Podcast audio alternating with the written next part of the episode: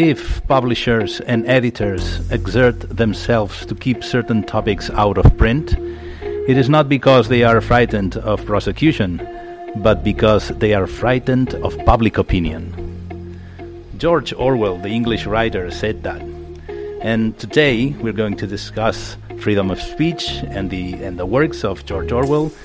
With uh, John Carlin, we have the privilege to have today with us the writer and, and journalist uh, John Carlin. Uh, he's well known internationally and especially for being the author of Playing the Enemy Nelson Mandela and the Game That Made a Nation, which was the basis of the film Invictus.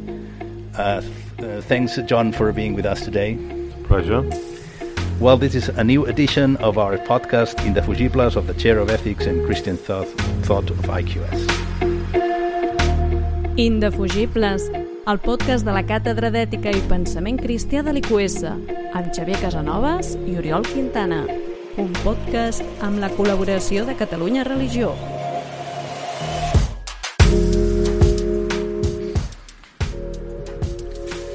So, John, thanks, uh, thanks again for being with us. Uh, well, my, my first question is about the use that we do of George Orwell, because he was a, well, he basically s- spoke his mind all of his life, and he was a very, so to speak, truthful person. And then every every political inkling and every political party tr- tries to, tends to quote him for, for their own agenda, no, for to push their own agenda. My first question is, how do you how do you feel when you hear a political adversary quoting Orwell?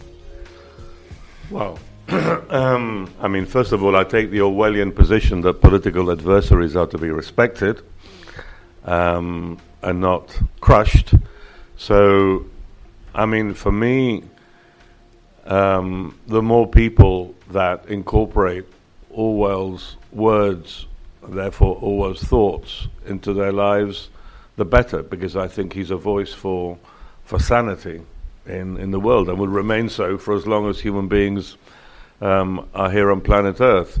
So it doesn't offend me when people that I might not necessarily agree with quote him.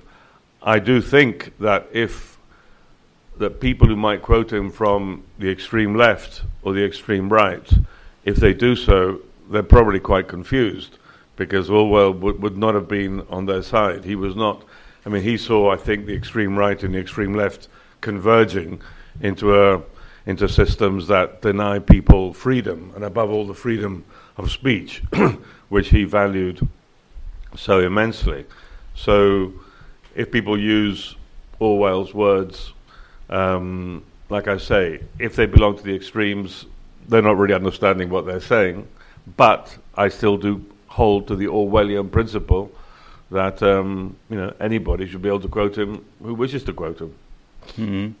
And um, yeah, maybe this is something that is being lost today because people tend to be, well, I don't know if you have encountered in your career uh, people who have been angry because you have criticized them. When when the Orwell spirit says, well, let them criticize you and let Hmm. let's have a discussion and let, but never take things personally. Have you have you had met that situation in which someone uh, has has well reprimanded you because you just made a fair criticism or what you thought uh, was a Well, I don't know if? I, I don't. Know, I'm not going to be the one to say that my criticisms were fair, but certainly I have awoken a lot of rage um, from my writings over time. I mean, all you have to do is read my any column of mine right now in La Vanguardia, where I write frequently. Read the comments underneath in the you know digital version, and um, half the people are sort of coughing blood um, in in disgust and outrage at what I say. So it happens all the time. Um, I mean, it's happened in circumstances that are more um, extreme and more dangerous. I mean, I, I was threatened with expulsion from South Africa shortly after I arrived there as a correspondent um, during the last year of full apartheid before Mandela was released. I was there as a correspondent and I was taken to an office, a government office in Pretoria, and two gentlemen in suits warned me that if I continued to To to, make, to make fun Uh-huh. of the president, which I did. I, I did, wrote an article questioning his mental faculties and his sanity, Uh-huh. and they found that offensive. Um, and then more recently, for example, I was going to, I was invited to Venezuela. If you like, you know, South Africa would have been on the extreme right, so apartheid, and Venezuela is now on the, the regime, the Chavista regime, Mm-hmm. um, which is now, you know, run by President Nicolas Maduro. Um, I was invited to go there, ironically, to give uh, some talks about Nelson Mandela, which is my area of speciality and um, and I was denied entry into the country, and I was deported and put back on, on the first. On, on what basis? On the basis that I they never explained it. Well, they they described me in the official document they gave me. I never no one face to face explained it to me, Ah. but on the official document. It described me as indeseable, undesirable, which Uh-huh. I found personally very offensive. Let me tell you. Um, but I think it's because I'm almost sure it was because I had written an article three or four years earlier Uh-huh. in which I talked about links between Colombian drug traffickers and the Venezuelan government. And they didn't like that. Yeah, a very adventurous thing to say, by the way. Mm. So, you, you mentioned just uh, the the comment that you get when you write uh, in the in the electronic newspaper, Yeah. uh, which reminds me of the the easiness in which we communicate today and the acceleration of communication that we Mm. have experienced in the last years. Um, that has come with no, the the fact that because of other social media, but because of the basically the same technology, we have somehow through the social networks renounced to our privacy and uh, and and and, and yeah, and, and then Orwell valued privacy very much. Uh, privacy and domesticity were for him the basis of, of, of the good life and, and also the basis of freedom. So my question would be, changing a little bit topic, what what has happened to us that we have decided to sell our privacy so cheap? Yeah? Because if you think of 1984, in which Orwell actually attacks the idea of the government controlling every aspect of life. Now, I don't know if the government is controlling us, but certainly we are explaining every aspect of our personal life through social media. Yeah, what, what, what would you think? Yeah, we're, certainly giving um, governments or powers or states, we're giving them access to huge amounts of personal information Mm. if they want it. Um, and I think that you know you have maybe two human impulses in conflict here. One is privacy, and the other one is exhibitionism. Mhm. I think that people have a tremendous desire to, you know, flaunt themselves, to show themselves, to um, present themselves to the world in in in terms which they consider to be positive and beneficial to them. And you see it either in the way that people present themselves, and the way they dress, or from what they perceive to be the brilliant insight of their thoughts, Mhm. and, and it's all there all the time. And um, yeah, I think I think Orwell would have found this world of social media, this incredible babel um, of voices, um, quite horrifying. Because not least because of the number of people who are now, in a way, having as much um, access to being having their views aired and published as Orwell, but without having remotely his sort of criteria or intelligence or, or knowledge, and just this sort of the, the random explosion of um, of views that are expressed um, all over the world. I mean, views that previously, in Orwell's time, you would have the guy at the bar or the pub who starts talking about some idiotic conspiracy theory or you know whatever, or, or ra- making racist comments about Jews or I don't know whatever, and it would just stay in the pub, and most other people in the pub would think, well, that guy's an idiot, and you know hopefully he'll go home soon and and uh, and, and and he won't say all these drunken idiocies. And now you have this sort of global pub uh, in which you know full of drunken people spouting um, unbelievable amounts of uninformed and quite often prejudiced, racist, disagreeable, stupid rubbish, and it's um, it's it's a, it's a long, long way away from that world of of Orwell sitting there quietly writing with extreme care and delicacy, you know, measuring every sentence the way that he did, seeking to express um, what he perceived to be the truth with the greatest simplicity and clarity um, and honesty. I mean, it's just it's another it's another planet. So I think Orwell would find this this brave new world, which is um, Another, mo- another novel by one of his What- one, of teachers. his, one of his contemporaries, uh, Aldous Huxley. Mm. Um, I think he'd find it pretty pretty horrifying. Mm. Now, now that you mentioned the, fa- the writing, the trade of writing, Mm. um, uh, one or always one said that. Uh, well, I don't have the exact quotation here, so I'll, I'll take a chance. He said something like, "It's it's when you care about what you write. I mean, when you mm, really have something to say because you care."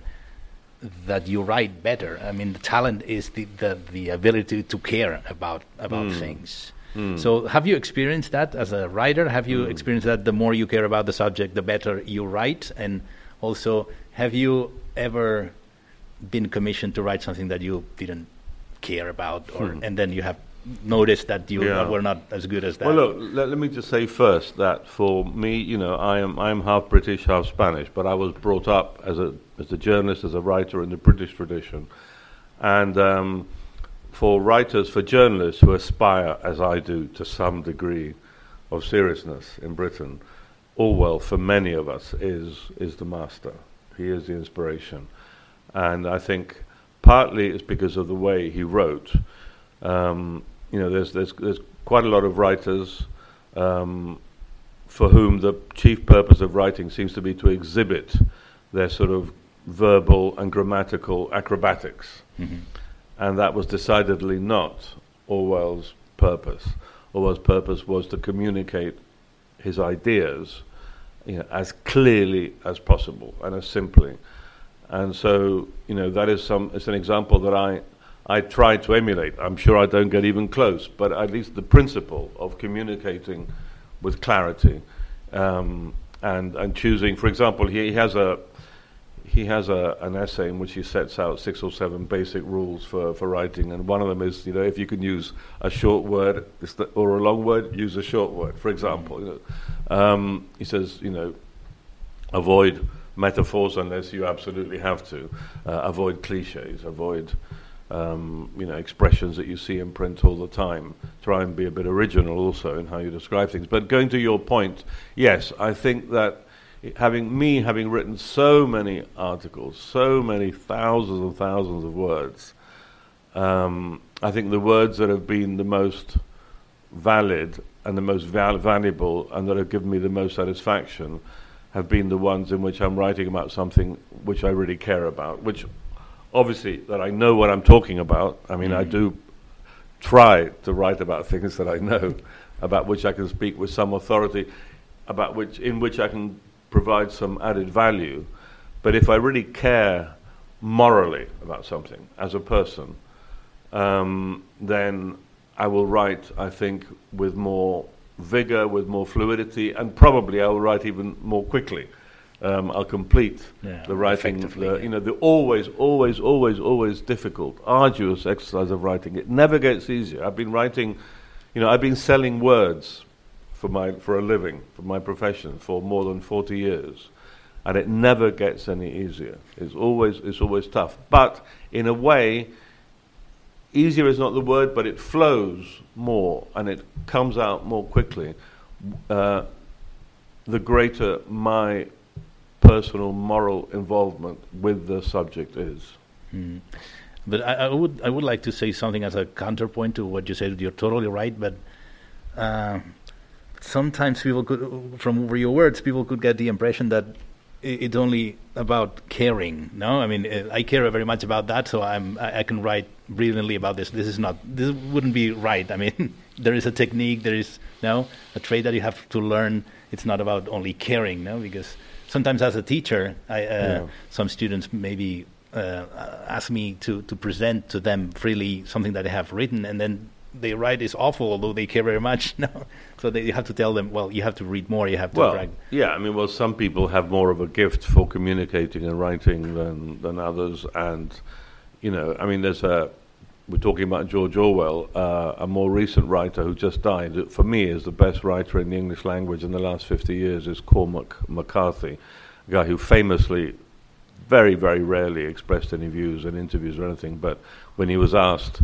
Um, you know, what would his advice be to young writers? He just replied in one monosyllabic word: read. You know, I have read lots and lots of books, and it obviously helps. And in terms of the, the technique, well, I mean, as a journalist, certainly it's very important to um, arrest the attention of the reader immediately. I always try in my first lines or my first paragraph to put an element of surprise or an element of kind of raising a question and trying to grab the reader sort of by the throat mm. um, so, and keep them there. And then a challenge from there is to continue to drag them by the throat all the way to the end of your article, which is difficult. And what that means, among other things, is that you can't suddenly jump randomly from one subject to another. Between every sentence, every paragraph, there has to be a bridge. Yeah, there has, there has to be, to be a bridge and and it's always good to end like with um, with a bit of a flourish too, with with maybe some broader observation, maybe something that relates to the opening paragraph, mm-hmm. Although that's sometimes a little bit too cliched and easy. Mm-hmm. But it's um, it's good to leave people at the end with something to, to think about. I mean, I, I always remember. Um, I mean, I studied English literature at university, and one person who I liked a lot was Dr. Samuel Johnson, who in the 18th century wrote the first um, English dictionary, for example. And he said that the purpose of writing was to instruct by pleasing.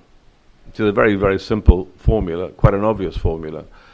And, um, and what I try and do in, in most of what I write is to do that, to, to write things in a sort of amenable way. I try, if, if, if, if I'm not talking about some terrible tragedy, um, I try to put into my articles what a friend of mine once described as smile lines, little moments when, with a little kind of a little irony, a little kind of wink to the reader, and um, and we have a little kind of shared joke, even mm-hmm. if it's, you know, and that was told to me. I had a colleague in, when I was a correspondent in Washington who was the brother of John le Carre, the novelist, and, and he said to me, you know, if possible, try and put in two or three smile lines into an article.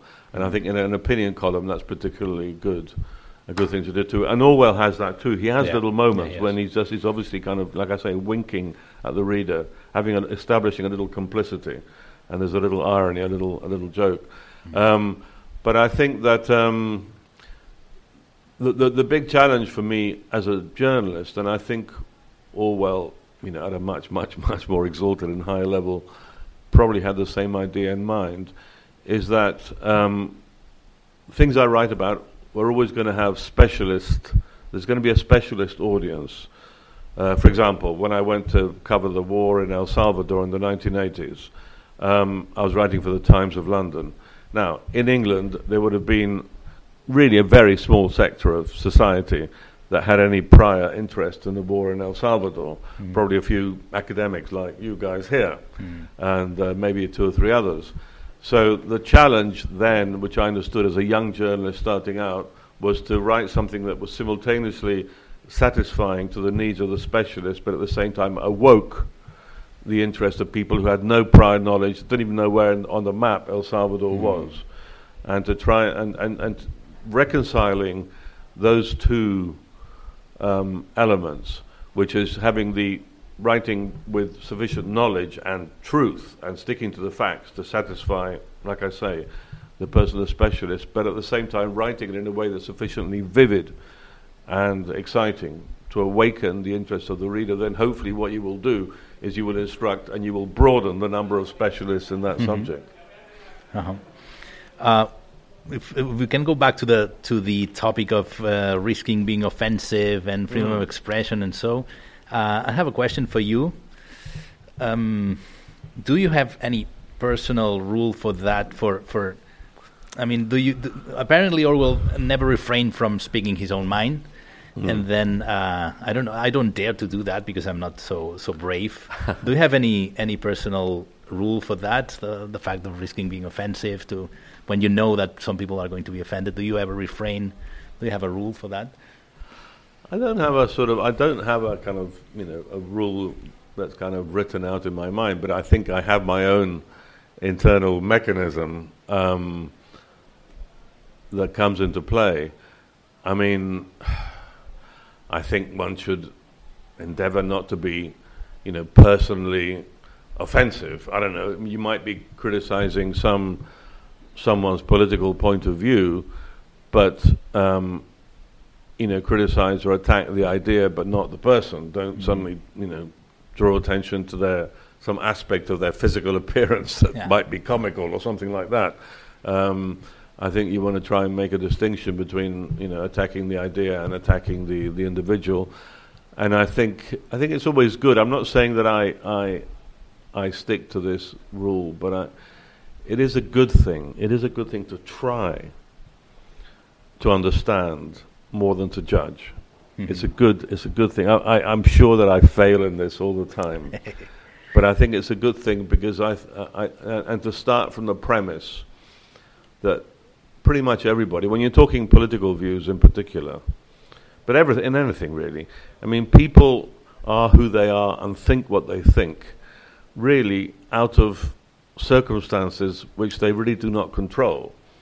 I mean, if we limit so it's not, it's not their fault. it's not their fault, exactly, in a way. I mean, the thing is, there comes a point when you have to establish some degree of fault, and there has to be some red line yeah. that has to be crossed, and there has to be a point when you have to make a judgment. And I would, ma- I would say, for example, a case of that would be Putin now in Russia. I mean, you know, uh-huh. I understand he had a tough life and he grew up in Leningrad, which was starving after the Second World War, and his parents were quite old and they'd all suffered, and, and, and he went into the KGB and had a weird life there and all of that. I understand Vladimir, but there comes a point when, you know, no more. I mean, really, he, yeah. I, I'm not going to sort of to extend my sort of understanding and forgiveness beyond a certain point.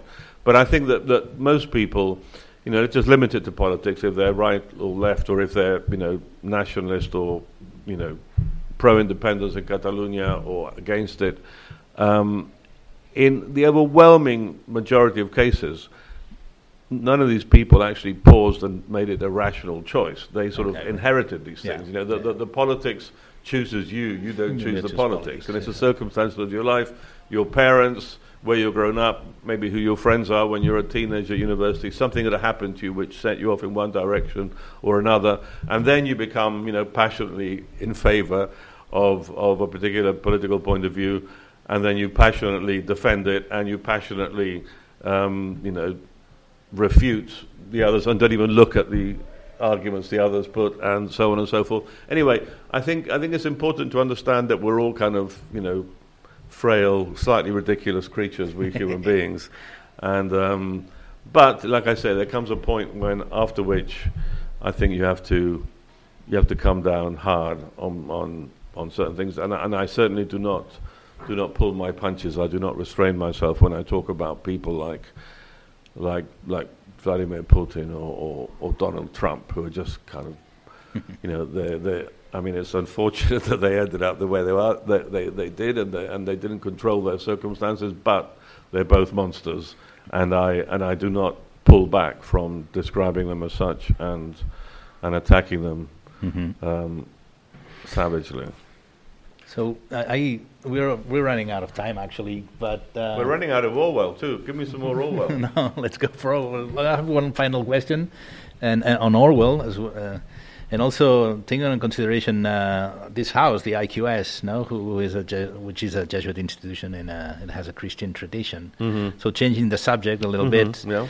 Yeah. Uh, Orwell didn't believe in God, but he believed that the Christian tradition in Europe mattered. Uh, uh, uh, that is to say, that cultural changes for him had to be had to be slow and natural in order to be accepted and, and livable for people. And hmm. I have the feeling, and many other people also have, that we all have the feeling that some changes today in, in the culture are very fast and, and, and hmm. less livable. So my question, I guess, uh, for you is, uh, do you agree with that? Uh, so do you think Christian tradition hmm. still is valuable and Oh God, yeah, of course. I'm not going to. I'm not going to say the Christian religion is not valuable. That would be a shocking mm. thing for me to say. My God. Um, but I mean, just before I address that point, I mean, I think Orwell's absolutely right that you know transition from one sort of value system to another has to be slow, has to be gradual.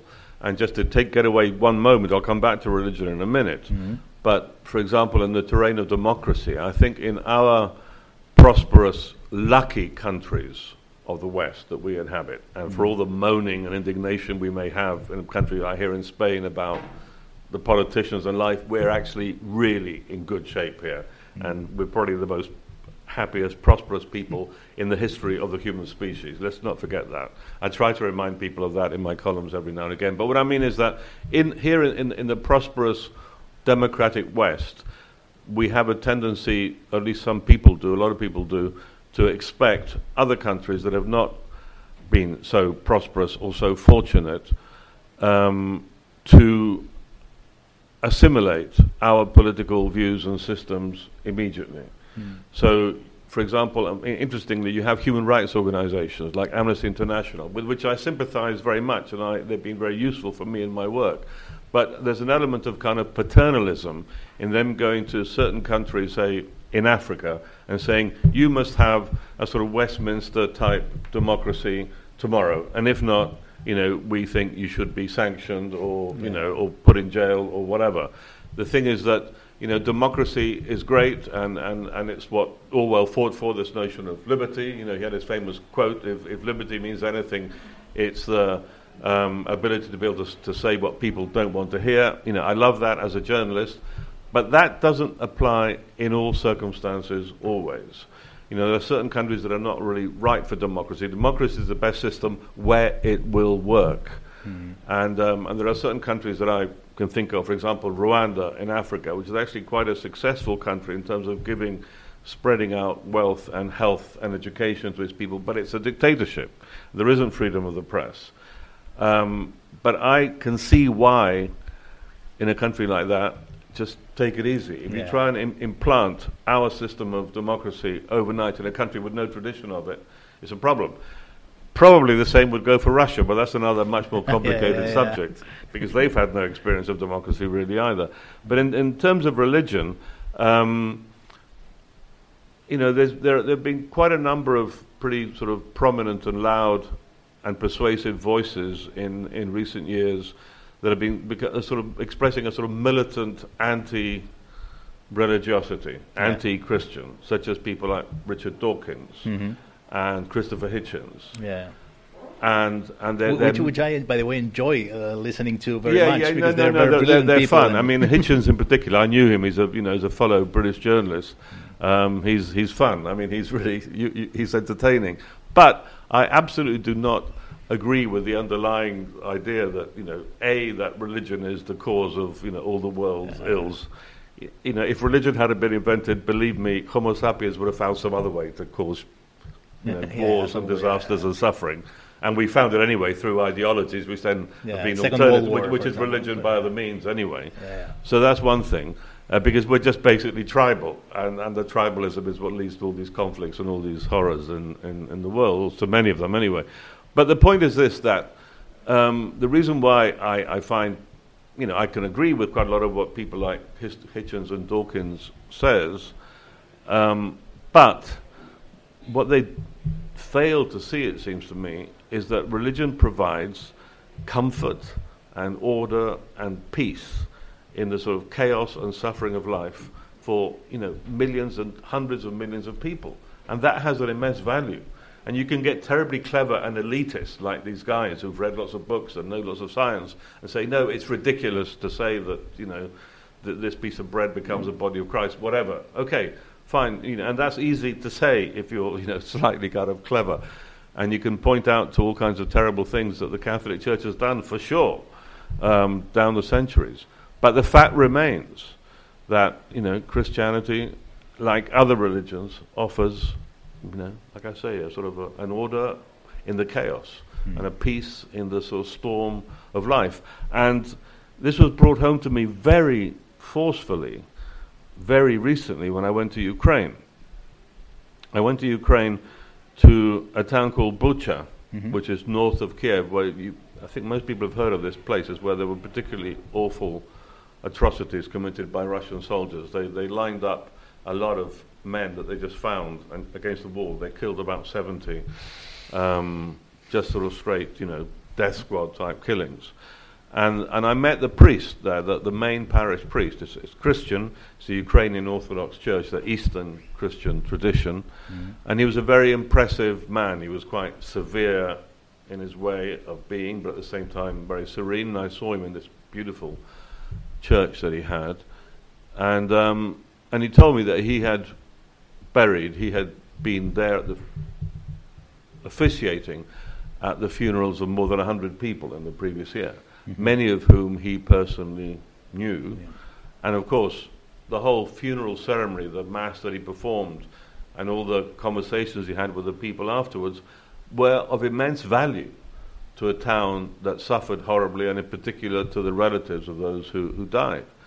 And, and, you know, I would like these, you know, smart, elitist, clever, anti-religious yeah, people to, to go to, go to Bucha, go and talk to this guy and tell him he's an idiot, tell him he's a fool. I dare you to do that. I'm sorry, yeah. you'd be the fool because this guy yeah. is really impressive and he's performing um, a valuable role in the real world, not in the abstract world of clever ideas. Oh.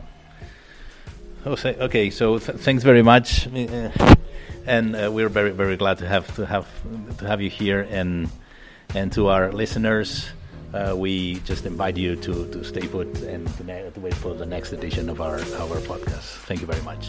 My pleasure.